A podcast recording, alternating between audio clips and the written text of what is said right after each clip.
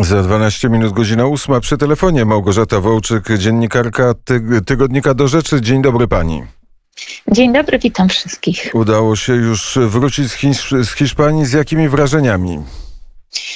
E, no, przyznam, że próbuję się dostosować do tego klimatu naszego, tej szarości na nowo.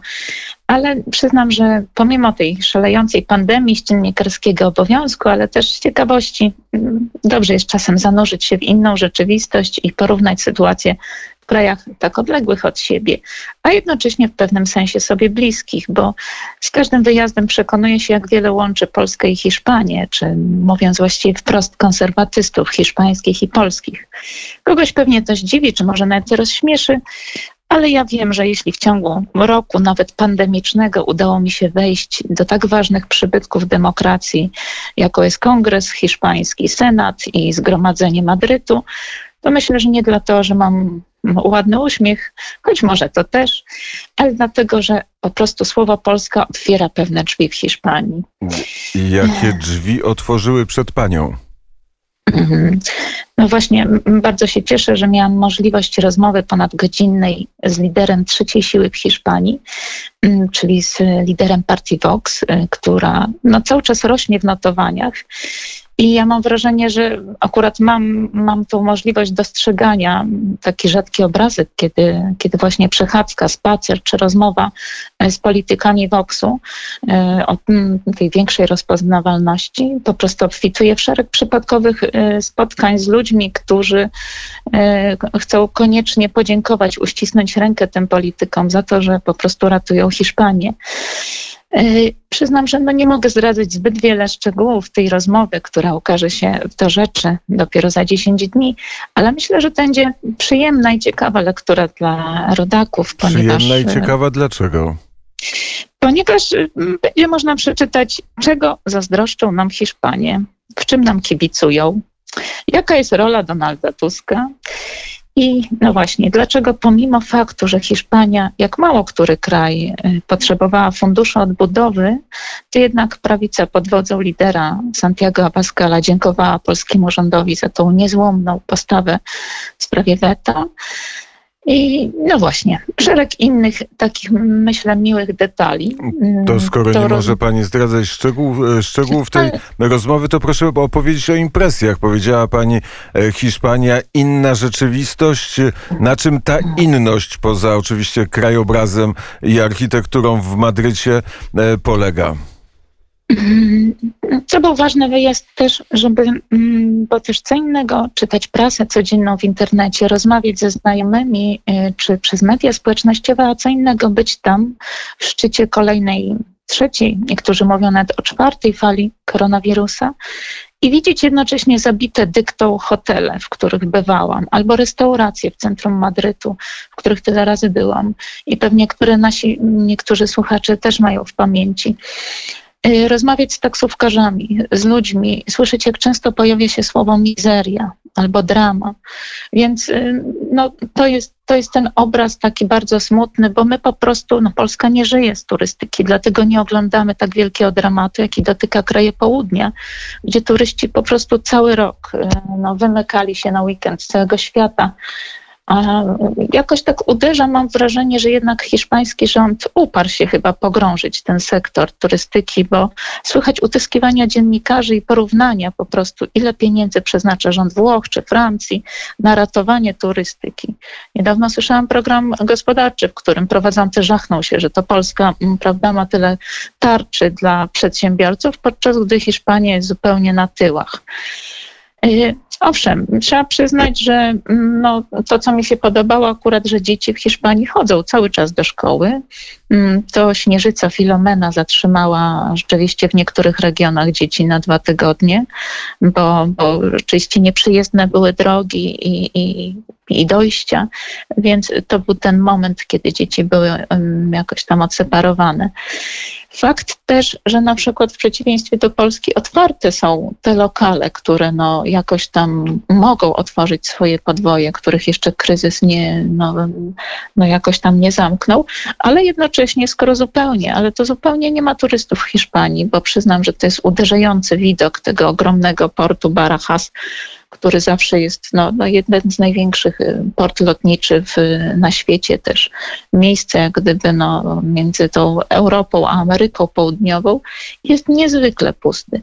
Więc nawet jeśli te lokale gastronomiczne mogą być otwarte y, i mają przepustowość do 30%, to uderza po prostu pustka. I nie ma turystów, a też gigantyczne bezrobocie w Hiszpanii, y, ta rosnąca bieda, kolejki głodu, o których pisałam tyle razy. Chciałam też zobaczyć, wybrałam się z moją znajomą deputowaną, ale akurat już y, ten punkt wydawania paczek dla klasy średniej między innymi był już zamknięty.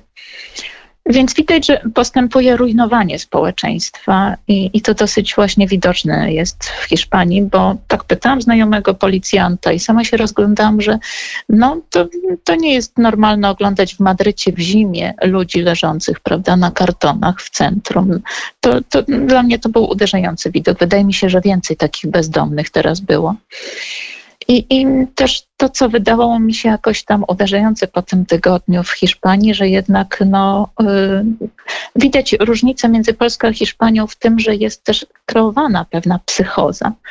Ja myślę, że po tym tygodniu, i, i gdzie na wszystkich kanałach, jak gdyby telewizyjnych, informacyjnych, nieustannie jest mowa właściwie tylko o koronawirusie, o tym, ile jest zakażeń, ile osób zmarło, ile na jest zajętych tak jak rozmawiam i tak jak mi się wydaje, po prostu rząd hiszpański też kreuje taką atmosferę przerażenia, aby rządzić silniejszą ręką i dławić opozycję. I to jest dosyć widoczne. Wiem, że są ludzie, którzy nie wychodzą z domu od ponad roku, tak bardzo się boją. I, I, to sprzyja tym rządzeniu dekretami, bo przecież rząd hiszpański ogłosił stan alarmowy aż, aż, do, aż do maja. I no, dobrze jest odetchnąć jednak w Polsce i widzieć, prawda, że u nas jest jednak wachlarz y, poruszanych tematów rozmaity i media nie są cały czas tylko zajęte tym, ile jest zajętych łóżek, ile osób umarło.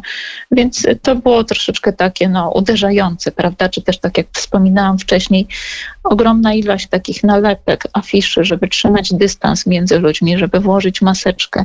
Cały czas mam wrażenie, że, że właśnie taka kreowana atmosfera strachu ogromnego.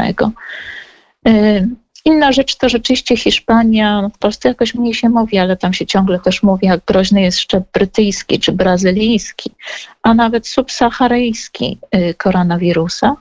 Co słyszałam z telewizji hiszpańskiej nawet, że szczepionka nie ta, którą się stosuje też w Hiszpanii, Pfizera, Moderny, ona, y, y, szczep brazylijski podobno jest odporny na nią. Nie straszmy tych, którzy się e, postanowili zaszczepić. Jedna e, rzecz, która jest e, ciekawa, że dzieci w Hiszpanii chodzą do szkoły, to jest z jednej strony mówi pani o strachu, a z drugiej strony jednak pewne otwarcie i otwarcie restauracji. Z tego może i rząd polski mógłby skorzystać z tego doświadczenia hiszpańskiego, zapytać się tych, którzy którzy prowadzą w Hiszpanii statystyki, jak to zwiększyło zachorowalność e, wśród Hiszpanów. E, sam fakt, że dzieci idą do szkoły, dzieci by się ucieszyły i pani pewno też.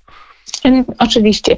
Ja myślę, że, że trzeba o tym mówić i dyskutować, bo to Vox jest tą partią, która cały czas mówi, że trzeba chronić ludzi, ale nie wolno zatrzymywać kraju, bo, bo każda praca jest ważna, z każdej pracy prawda, jest chleb w rodzinie i nie może być tak, że tylko politycy i dziennikarze yy, i lekarze uprawiają swoje zawody. Y, I wszyscy podają bardzo sensownie, że owszem, jest w Hiszpanii godzina policyjna, czy, czy na przykład zamykane są pewne miasta, czego my nie doświadczyliśmy. Ja również dlatego troszkę znowu w popłochu wyjeżdżam, bo już zamykano niektóre dzielnice Madrytu i na przykład w niedzielę mój rozmówca na wywiad nie mógł przyjść do centrum, ponieważ jego dzielnica Salamanca była już zamknięta. Czyli mobilność Hiszpanów jest bardzo ograniczona. Czasem z miasta do miasta, z regionu do regionu, ale jednocześnie zazdroszczę im tego, że dzieci chodzą do szkoły.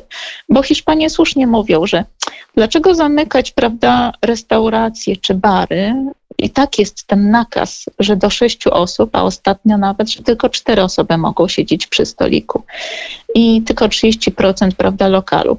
A jednocześnie ludzie, którzy mm, w metrze się gromadzą, prawda, na małej powierzchni, czy w innych jakichś punktach. Czym jest ta różnica, prawda, że zamykamy bary czy restauracje, jednocześnie ludzie w autobusach czy, czy w metrze przemieszczają się siłą rzeczy do pracy, więc, więc też no, trudno uniknąć tam zakażeń. Tu I, postawimy, i... postawimy kropkę i czekamy na tygodnik do rzeczy za 10 e, dni, czyli w następnym numerze tygodnika do rzeczy e, pani wywiad z liderem e, Vox, czyli największej konserwatywnej partii w Hiszpanii. Dziękuję za rozmowę. Dziękuję panie redaktorze i dziękuję wszystkim. I ten uśmiech otwiera pani bramy, tak? To pani powiedziała. No, nie tylko uśmiech, hasło Polska, ale staram się rzeczywiście godnie reprezentować Polskę, także mam nadzieję, że mi się to udaje. Małgorzata Wołczyk, dziennikarka do rzeczy, była gościem poranka wnet. Za chwilę Adrian Kowarzyk i najnowsze wiadomości.